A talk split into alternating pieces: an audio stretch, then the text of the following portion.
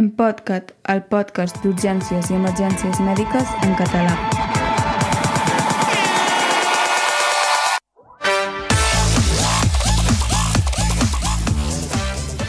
Benvinguts a l'Empodcat, el podcast d'urgències i emergències mèdiques en català. Aquest és el setè episodi i, com sempre, el perpetrem els mateixos. A l'Empordà, en Xavi Basurto. Bon dia, Xavi. Hola, bon dia, què tal? En Xavi és arroba urgemcat a Twitter i té el blog de urgem.cat. I jo mateix, Albert Oms, que tinc el blog emermetpirineus.eu o .cat, com preferiu, i a Twitter sóc també emermetpirineus i també emermetpirineus arroba mastodon.cat amb aquesta xarxa social lliure que es diu Mastodon. I per avui també tenim un tema principal que ens presentarà el Xavi. Vinga, Xavi, fot-li. Molt bé, sí, doncs eh, avui havíem pensat eh, un tema interessant, bueno, que almenys que ens sembla interessant, que era parlar sobre el que en diem o que es pot dir la transferència de pacients. Per intentar contextualitzar una miqueta això i i que quedi una miqueta més clar del que estem parlant, quan parlem de transferència de pacients estem parlant de el fet o el procediment de que quan un professional o un equip de professionals tenen la missió de, de transmetre tota la informació de l'estat d'un pacient a un altre equip. No només la informació, sinó implica això també la responsabilitat. D'acord? Uh, la forma més evident que tenim d'això de veure-ho és quan fem el, el canvi de torn, no? de, de tarda de matí a la tarda o de tarda a la nit o el que sigui, doncs segurament te queden malalts pendents entremig, pendent de coses, pendent de resultats, pendent d'evolució, el que sigui, i tu, en, el, en la gent que entra en el següent torn, doncs els hi has d'explicar al, al pacient. M'estàs dient, Xavi, que no els deixeu aquí, els abandoneu allà a la camilla i ja està, i marxeu a casa?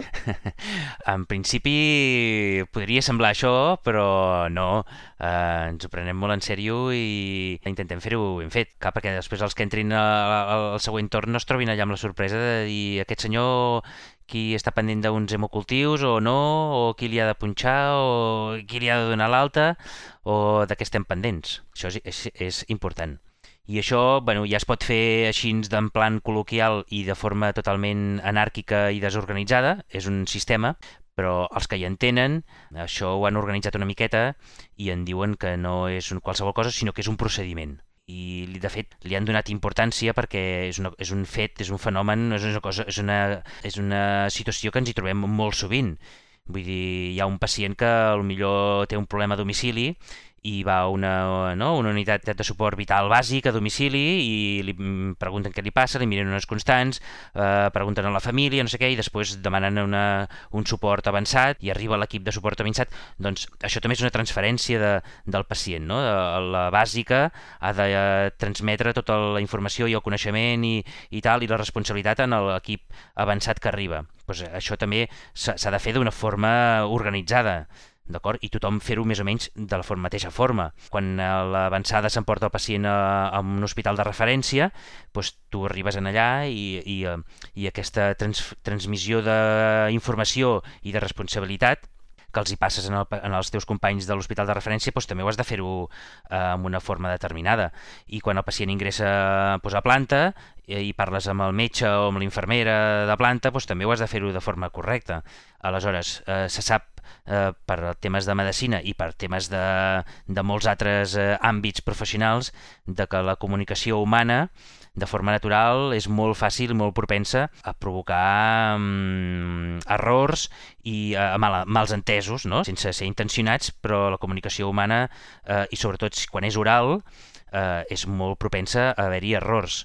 Val? De fet, hi ha el joc aquest dels disbarats, no? de que ens posem 4 o 5 enrotllant, tu li dius una cosa al del teu costat, al teu costat li repeteix en el del costat i quan torna a tu pot ser que no s'assembli res a que el que tu has transmès al principi. Pues això passa amb els pacients. I de fet està estudiat de que com el 80% dels errors eh, no, esdeveniments adversos que els hi passen als pacients, que són evitables, la majoria, el, el 80% dels casos, l'error de comunicació en allà hi ha, és un factor important que, que ha passat. De fet, fins i tot diuen que, per exemple, un, una font d'errors podria ser la falta d'habilitats, de, de, de coneixement, d'expertesa, del que vulguis, del professional. però fins i tot en això sembla que és, inclús és més important eh, el tema de comunicació, comunicar de forma eh, correcta, assertiva i de forma eficient, que no pas els seus nivells de coneixements o d'habilitats. Vull dir que provoca més errors i eh, esdeveniments adversos en els pacients el fet de comunicar-nos entre nosaltres malament que no pas no està a l'última d'un protocol de no sé què. I, I de fet això li donem... Sí que sabem que és important, però no sembla que hi estiguem molt a sobre. Val? Aleshores, com que la comunicació oral ja sabem que és un problema important i a més a més és una cosa que ens hi trobem, ho fem cada dia 10 vegades i cada pacient que ingressa eh, la seva informació i la responsabilitat passa 15 vegades de mans en mans, clar, és una cosa que té molta rellevància no? i realment pot afectar molt a, a la salut del pacient. Aleshores, això els que hi entenen doncs, eh, han, han intentat des de fa molts anys, de fet això ja ve penso que més o no, tampoc és que ho coneixi de forma molt extensa, però penso que això ja, per exemple, a nivell de la seguretat de l'aviació, el tema de comunicació entre els professionals que estan, no? el pilot, el copilot, el no sé què, no sé quantos, ells ja saben des de fa molts anys de que el, els dèficits de comunicació entre, entre aquests responsables eh, ha provocat molts accidents. Aleshores ja tenen molt protocolaritzat de com s'han de comunicar, com has de validar la comunicació, perquè això mm, no passi. I això s'ha intentat traspassar després en l'àmbit professional sanitari perquè tenim els mateixos problemes, no? Aleshores, eh, això mm, hi ha molts sistemes hi ha molts sistemes per intentar-ho solventar i, i s'han creat diferents, diferents estratègies, no? N'hi ha moltes. Que ara en parlarem d'una. El que passa que tenim dificultats per, per aplicar-ho això, val? perquè no hi ha un sol sistema que diguéssim que s'ha estudiat, s'ha validat, s'ha comprovat que funciona, sinó que hi han propostes, però és, és difícil demostrar-ho de forma empírica de que quin és el sistema millor i quin no funciona i quin sistema va i a més en els professionals sanitaris també ens acosta una miqueta ser molt taxatius, tothom ha de fer de forma sistemàtica utilitzar aquest procediment per transmetre la informació en els teus companys. Això ens acosta, ens acosta adaptar-nos o sotmetre'ns en aquesta una mica estricta forma de ser, perquè cadascú pensa que la seva forma de, de fer això és la millor i per això ho fa d'aquesta manera.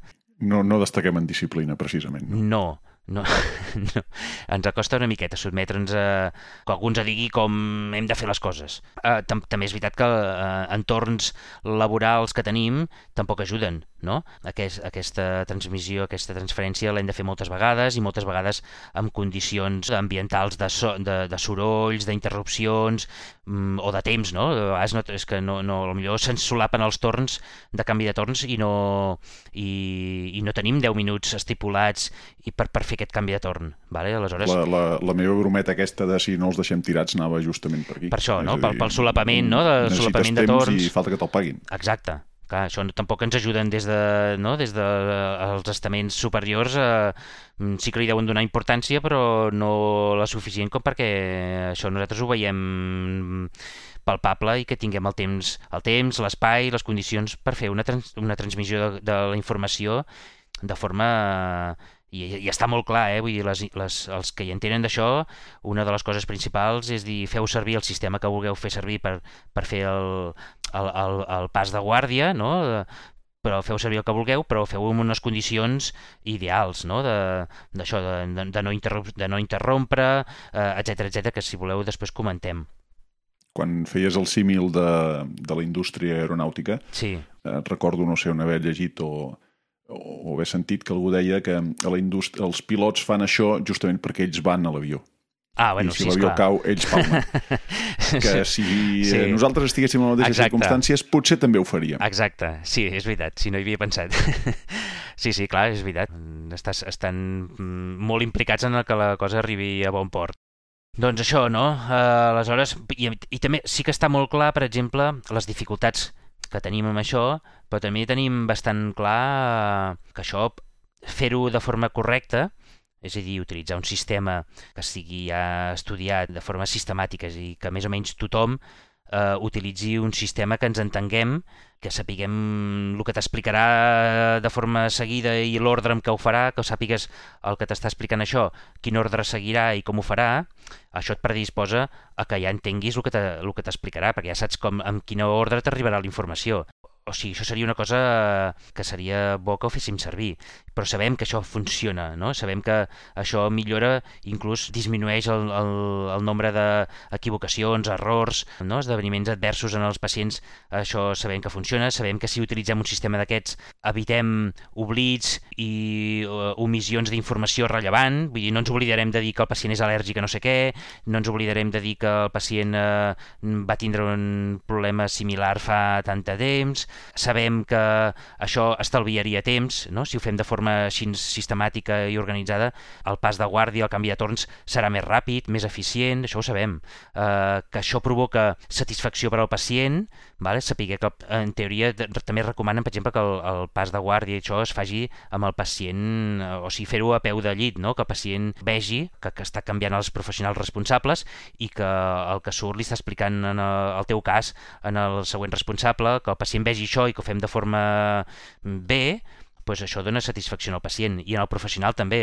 El professional, el fet de que hi hagi una interacció entre els que entren i els que surten de forma eficient, te'n vas més eh, satisfet de dir, vale, doncs deixo el pacient en bones mans, i he transmès bé la informació, hem parlat, eh, sí, ho has entès, sí, te'n recordes que així, això ho has entès bé, sí, val?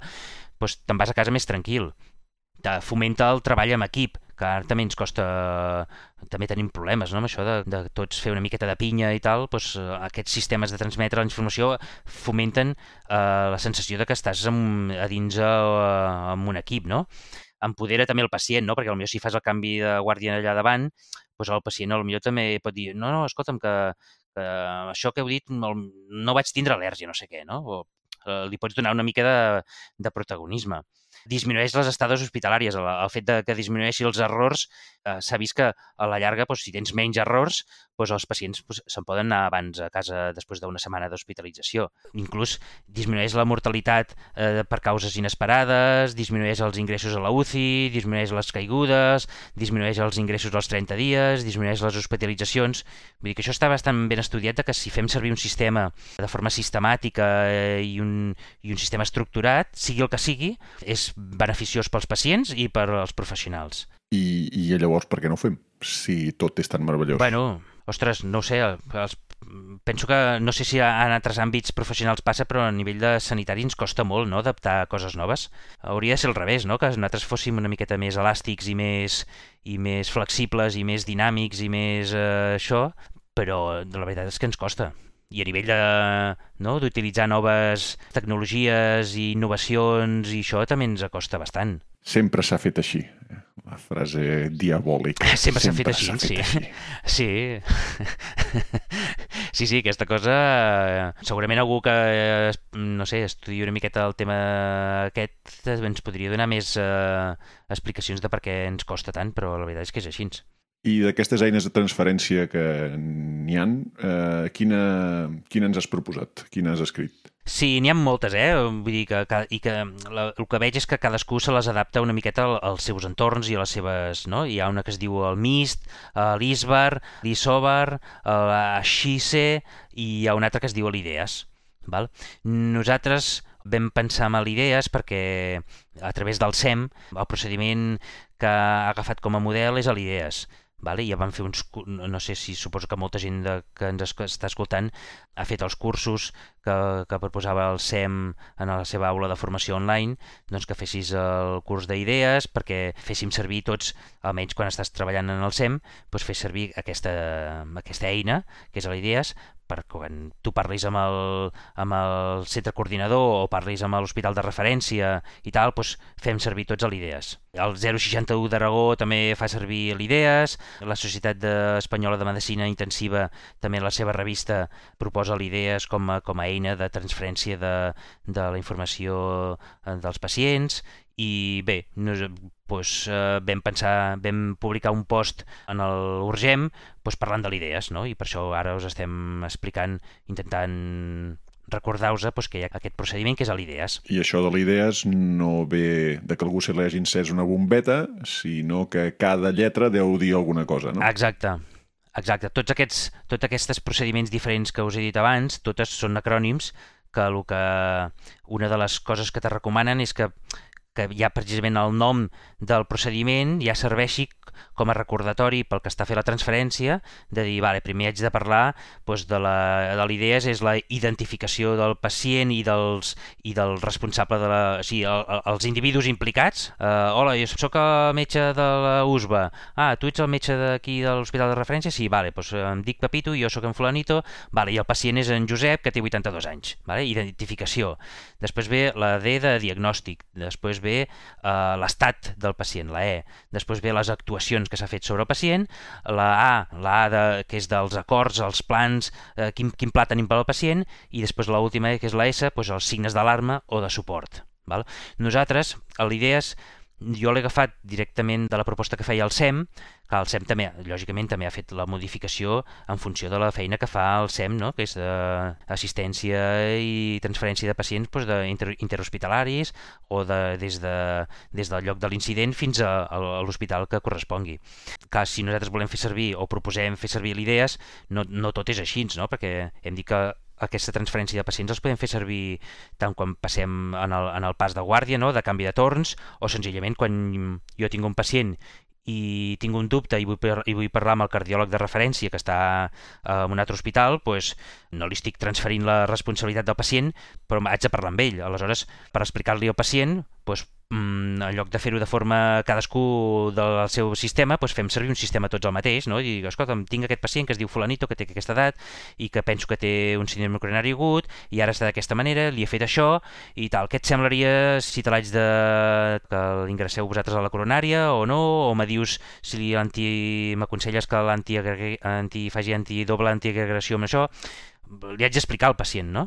Aleshores, l'idea és pot ser una, un sistema, o senzillament, no? Si jo haig d'ingressar el meu pacient a la planta, doncs, potser haig de parlar amb l'internista i dir-li, escolta, que tinc aquest pacient, doncs és una altra forma de, de transferir el pacient. O sigui, en totes aquestes situacions o vosaltres no, si infermeria pues, eh, fa el canvi de torn, pues, també, no? o arribes a un altre hospital, pues, tu parles amb, infer amb, amb els teus companys d'infermeria i li expliques pues, també amb un sistema una miqueta protocolaritzat. No?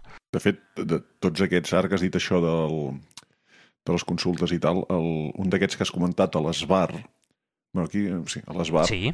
Eh, aquest recordo haver llegit que és la forma estàndard de comunicació l'NHS, no? el, el sí. sistema de salut Els anglesos, anglès no? i tal. Sí. Segurament és més útil per algunes coses i, de més, que el que és cert és que fer-ne servir varis és un merder. Fer-ne servir un eh, és el que toca. Potser la idea no és el que més ens Sí. agradaria a alguns, però si el SEM, Sí. que té un poder que no crec que ells siguin conscients de que el tenen en, en determinar què fem arreu del territori, doncs, si és el que diuen, doncs, doncs, doncs endavant amb aquest. No? Eh, Val, més, Sí, val més un que no t'agradi que no pas cap. Sí, no, no, això està clar, eh? Vull dir, quan, quan hi ha moltes coses que no se sap ben bé quina és la millor, però se sap que fer un servir un sistema pues, és beneficiós, pues, bueno, pues, fem-ne servir un, jo sé, no? millor d'aquí uns quants anys queda més clar quin és millor que un altre i, i fem un canvi i canviem i punto. Però no passa res. Però de fet, si, si te mires que a la publicació del, de l'Urgem hi ha el llistat d'aquests d'aquests. N'he posat, em sembla que n'hi ha 6, però, però en podríem posar 14 eh, de, de sistemes diferents.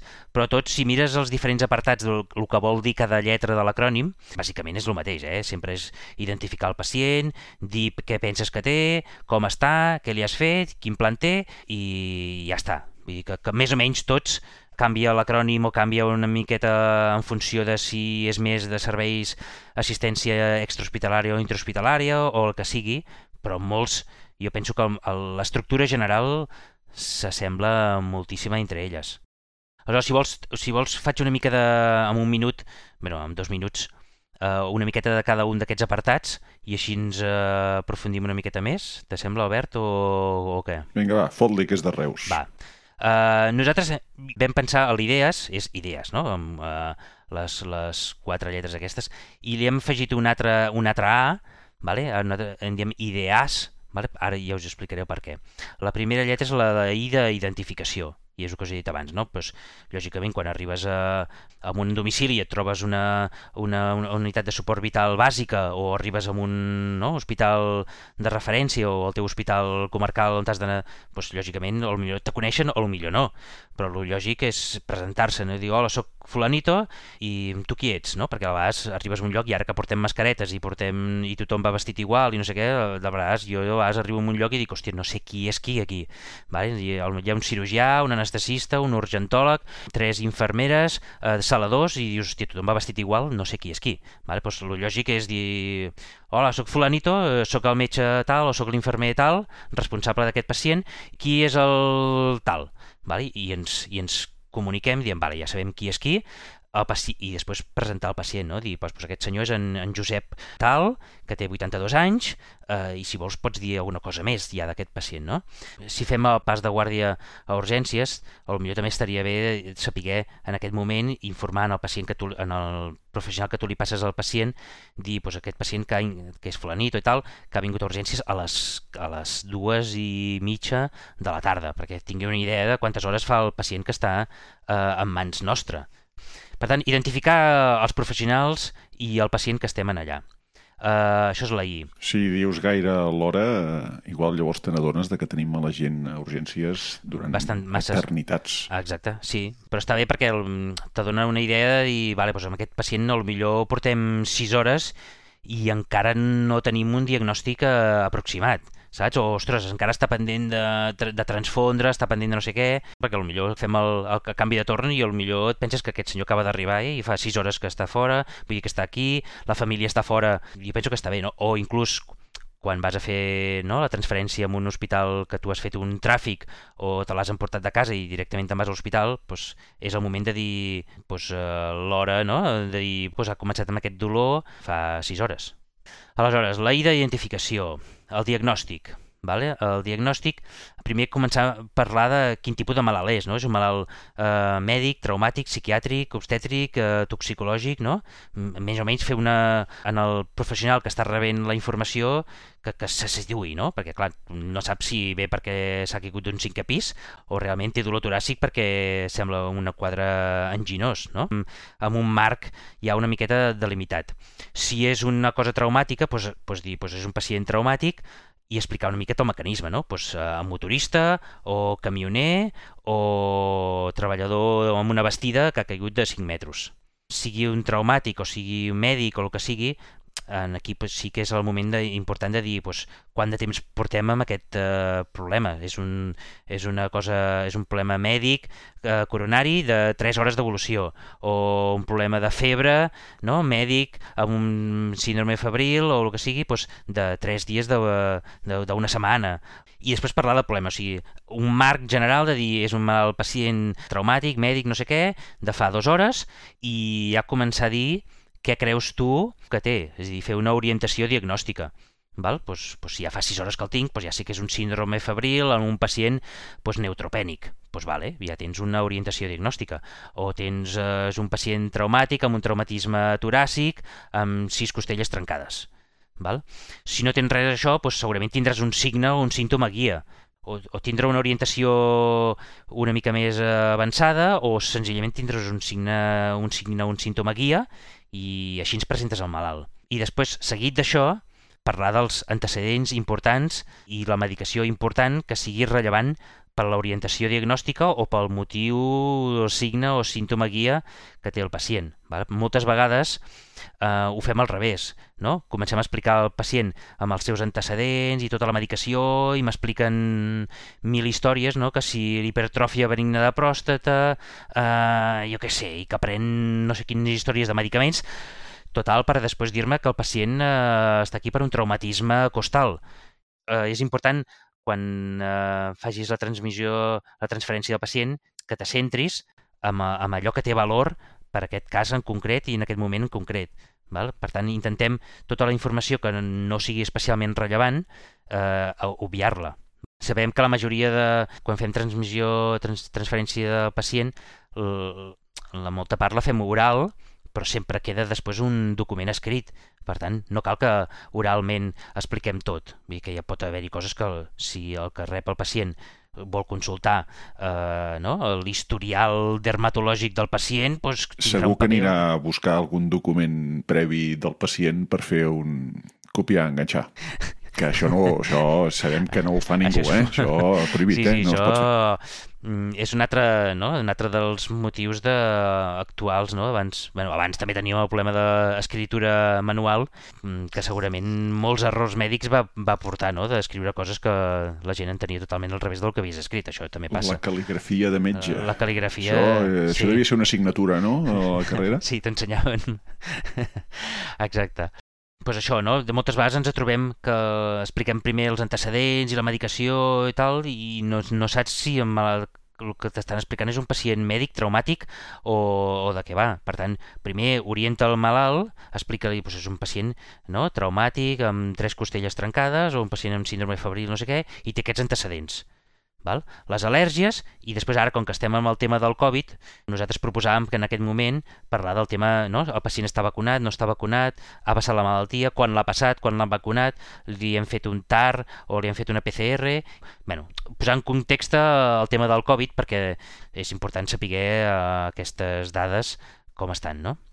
Uh, la I, la D, la E és l'estat del pacient pues, l'estat del pacient és uh, el que fem sempre, no? l'ABCDE del pacient, com te l'has trobat, i ho pots fer una miqueta sistemàtic, no? Pues, començant per no, via aèria, té algun problema de via aèria? No, pues no cal ni que em diguis res, si està tot perfecte, no cal que m'expliquis que la tràquea està centrada, que no sé què, si, si veus que no té res important, no cal dir-ho respiració, circulació, a nivell... Bé, després ja començar a parlar no? a nivell eh, neurològic, a nivell metabòlic o renal, digestiu, a nivell de trauma, de pell, eh, fer una descripció de l'estat del pacient per ordre de possible gravetat, no? l'ABCDE. En aquí podríem incloure, o s'hauria d'incloure, lògicament, no? quan parlis de l'estat respiratori del pacient, doncs, parlar de la saturació, la freqüència respiratòria, doncs, explicar no? els números que té del, del CAPNO, de la corba, de l'auscultació, si li has fet una eco, parlar de la eco que tu li has fet, si has vist líquid en el pleural, si li has vist línies B, si no, i si li has fet altres proves complementàries, no? un TAC, una placa, tòrax o el que sigui, doncs, explicar-ho. I així, doncs, a nivell de circulatori, a nivell neurològic i tal, expliques com està el pacient. La o la primera A, seria dels, les actuacions fetes. Vale? Jo me l'he trobat així, i què li hem fet? Pues, pues li hem posat el paracetamol, li hem posat seroteràpia, li hem posat oxigen, li hem posat una, una no invasiva, li he posat analgèsia, li he posat no sé què, i ha anat d'aquesta manera, ha evolucionat així, etc. A nivell d'infermeria doncs, doncs li hem posat un catèter arterial, porta dos vies, porta una no sé què, porta una sonda per aquí, una sonda per allà, explicar les actuacions que hem fet sobre... No? Li hem fet una, no? una pseudoanalgèsia per reduir una luxació i sense complicacions, o no? li hem fet una toracocentesi, que hem tret 10 cc's de líquid transparent, no sé què, no ha fet cap complicació, etc. La segona A de l'idees és els acords. Quan tu transfereixes a aquest pacient, doncs, en el teu company és a dir, doncs, està pendent, no? acords pendents, no? o el pla, també en podríem dir, el pla previst que jo he pensat per aquest pacient, no? Pues està pendent de que li repetim eh, la gasometria al cap d'una hora, està pendent de no sé què, de passar-li la sang, tres concentrats d'hematies, o que baixi el cardiòleg i ens recomani si l'ingressa per fer una prova d'esforç o no. En aquest moment també és important, o te recomanen els que hi entenen sobre aquest tema, de que el professional que fa la transferència faci unes recomanacions, eh, de dir-li, ostres, pues, jo penso que seria bo que l'iniciem repetint no, la pauta de furosemida cada 8 hores, o que li passem, si no hi ha cap problema, pues, el frenem amb, no, amb un blocador dels canals del calci i tal, perquè el que rep el pacient bueno, pues ja té una opinió i després podrà fer-ho o canviar, canviar l'estratègia o no, però el fet de que tinguis una opinió sembla que siguis més conscient de que en aquest pacient se li han de fer coses i, i t'has de plantejar si, si aquesta opinió que t'han donat, aquesta recomanació, doncs, és millor o, és, eh, o tu tens una altra que pugui ser que et sembla que sigui millor. Però el fet de proposar-ho, el simple fet de, de proposar-ho, sembla que, com que ja li donguis importància i que, i que això faci reflexionar-hi una miqueta. Que si no dius res, doncs, millor és fàcil oblidar-te o que, que, que això no ho tinguis en compte parlar també en aquest moment de poder el pacient té unes necessitats particulars, o sigui el que sigui, no? de, no sé, de, d'informar la família, acompanyants o qui sigui, doncs parlar-ho en aquest moment de, dels acords o del pla previst, parlar-ne. A la S eh, hi havia diverses opcions, eh, depèn, per exemple, el SEM, la S la donava de suport, la S li diu que és un S de suport, és a dir, quan arriba la unitat bàsica, no? pues, què necessita? No? Pues necessita Mossos, necessita una avançada, necessita bombers, necessita què? Pues és l'hora de demanar els suports que necessites. Pues és la S de suport.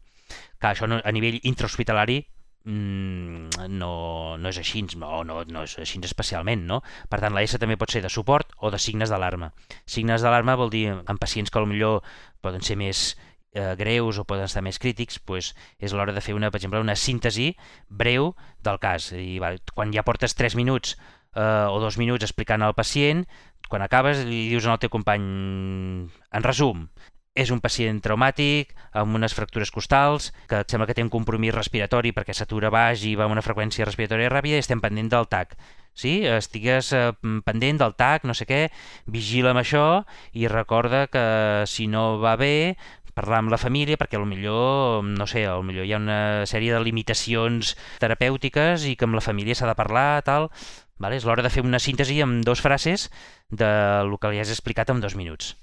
I recordar, per exemple, millor si, si penses que és un pacient que necessitarà antibiòtics i tal i té al·lèrgies a les penicilines, pues, recordar aquest, aquest uh, punt. I ja això és l'idees. És molt lògic i molt bàsic, però poc utilitzat i encara menys cinematogràfic, perquè si en comptes d'entrar cridant dona, 30 anys, no sé què, eh, fots tot aquest sí. rotllasso, igual se t'ha dormit el públic eh, abans de que arribi l'acció. Sí, però de fet els que, no, els que han fet una miqueta de repàs de, de lo que ens pot aportar això mm, veuen que disminueixen el temps dedicat a cada pacient a l'hora de fer el, el pas de guàrdia es redueix, no? Uh, una sèrie de recomanacions generals que et diuen els que en saben d'això, diu, tu fes servir el sistema que quedeu, però coses importants. Fes servir qualsevol sistema perquè sigui un sistema sistemàtic, és a dir, que sempre i tothom faci servir el mateix sistema estandarditzat, és a dir, que sigui un sistema ordenat i protocolaritzat i doncs, es farà amb aquest ordre. Algú està bé que quan fem aquest pas de guàrdia i tal tingui una llista de comprovació d'aquest procediment i vagi comprovant tot el que s'ha fet, vale? perquè així ens assegurem que no queden coses pendents o oblits i omissions que poden ser importants. Algú hauria d'estar en una llista de comprovació i anar tatxant. Prioritzar sobretot la informació de valor. La resta està escrita en un paper fer èmfasi en les tasques que queden pendents del pacient. El pla proposat, això eh, és important dir-ho i que quedi clar. Que l'emissor, eh, el que transfereix el pacient, proposi recomanacions de maneig. Que el, el professional que rep la informació eh, tingui una escolta activa que s'impliqui tot l'equip, no que jo parlo amb l'altre metge i, i tots els altres que estan per allà doncs, van a la seva que es faci en un espai concret, adequat i amb un horari definit. Això és important. Uh, evitar les interrupcions. També es proposa que hi hagin eines digitals, doncs que ja hi, hagués, ja hi ha una sèrie d'aplicacions vale? que en diuen els e-handovers, en anglès és el terme de transferència del pacient, és un handover. O sigui, ja hi ha una sèrie d'aplicacions eh, digitals incorporades a la història clínica del pacient que t'haurien d'ajudar a fer aquest resum que hem explicat de l'idees, doncs que senzillament quan tu vas fent coses en el pacient a la història clínica eh, informatitzada, per sota ja hi hagi un programa que te vagi reunint aquesta informació important i a l'hora del pas de guàrdia li dius imprimir idees i te surti imprès tot el que li has d'informar eh, en el teu company que entra a la guàrdia. I a més a més, això no surt de forma espontània, vull dir, utilitzar aquest sistema, aquest procediment, no n'hi ha prou en escoltar aquest podcast, no? La gent s'ha de formar i al millor hem de fer simulacions, recomanen lògicament fer una miqueta de formació i de sensibilització, és a dir, que els equips estiguin sensibilitzats de que la transmissió, la transferència d'aquesta informació és molt susceptible, si es fa malament, a que hi hagin errors que impliquin problemes serios per a la, la seguretat del pacient. I si es fa bé, és un factor positiu perquè el pacient i els professionals estiguem més satisfets són les recomanacions generals que la gent que es dedica a fer aquestes eh, eines recomanen. I jo em sembla que ja està. Si hi ha més dubtes, no sé, en el blog d'Urgem hi ha una sèrie d'articles uh, que vam utilitzar per escriure una miqueta i si no, a través del SEM, no sé si encara està accessible, hi ha el curs de l'Idees i que ens pot començar a ajudar a utilitzar-lo. Molt bé, doncs després d'aquesta bona idea dels Idees, Hòstia, quin acudit més dolent, per favor. Eh, va, anem a l'urgent mod i a veure si millorem això, que això ha anat molt avall. Pues mira, jo no tinc un urgent mot com a tal, tinc una proposta. Va. D'acord? Mira, en anglès parlen d'un del que n'hi diuen HALO, High Acuity Low Occurrence, no? és a dir, procediments o situacions que passen molt poques vegades però que tenen un impacte molt gran. Sí. Exemples, pues, la, una cricotiroidotomia, per exemple, és un HALO d'aquests, Sí. una histerotomia de ressuscitació, Sí. que abans n'hi deien cesària perimortem, és una altra, i, bueno, i en alguns llocs una intubació endotraqueal també pot ser un halo d'aquests, Mm, d'acord? També algú això ho assimila amb el Code Brown o el Shitty Pants, eh, per com et queda la roba un cop has passat la situació aquesta. Sí. Que això no he trobat cap traducció que s'hi avingués i he pensat, mira, i si... Va, se m'ha acudit una... Que I si ens ho inventem, podríem- no? I si ens ho inventem nosaltres. No, home, ja, això existeix, doncs Ah, vale, vale. traduïm-ho, no? I, Sí. I ho llenço als oients, a veure, farem una enquesta d'això, a veure si aquesta proposta que us faig és prou interessant com per portar-la al Termcat i que l'aprovin. Mira, jo proposo canviar això per cas d'alta gravetat eh, ocasional, que, si us fixeu en l'acrònim, seria CAGO, que això també és una mostra de l'estat anímic en el que et trobaries en una situació d'aquestes. Exacte. Ah, està molt bé, bona idea, està bé. A més a més, fa honor a l'escatologia típica del país, eh, que ja sabem aquí que això es porta. doncs això, farem una enquesta, la penjarem a les xarxes, a veure què us sembla aquesta idea tan boja. Bé, molt bé, em sembla molt, molt interessant. Tens algun urgent mot, tu, ara, després d'això? Val, doncs sí, jo tenia un parell de propostes de l'Urgent Mot i una que és una que ja hem estat parlant ara en el tema aquest de la transferència dels pacients quan fem el canvi de torns, que és parlar eh, quan ho fem el pas de guàrdia. Jo sempre n'havia dit el passe de guàrdia, però bueno, és un petit canvi que potser no costa gaire de, de començar a utilitzar i en lloc de dir-ne passe de guàrdia doncs no estaria malament que en diguéssim eh, el pas de guàrdia. I l'altre seria que jo sempre he parlat de la perícia colestàsica, no sé per què, però la forma correcta no és colestàsica, sinó que és uh, colestàtica. Parlar de, de uh, colestàtica en lloc de colestàsica. I res, serien els dos urgent mots que millor podríem començar a incorporar a la nostra parla habitual a nivell uh, assistencial. Et sembla, Albert? Molt bé, doncs vinga, va, recomanacions d'aquest episodi. Ara recentment, eh, bueno, recentment, el mes de a principis d'octubre eh, va haver-hi el Congrés de la Societat Europea de Medicina d'Urgències, que va ser a Lisboa, i jo vaig seguir una miqueta eh, a través de, del Twitter i em va semblar interessant fer una recopilació de la gent que estaven allà i el anava seguint, lògicament doncs, doncs van fent eh, piulades, no?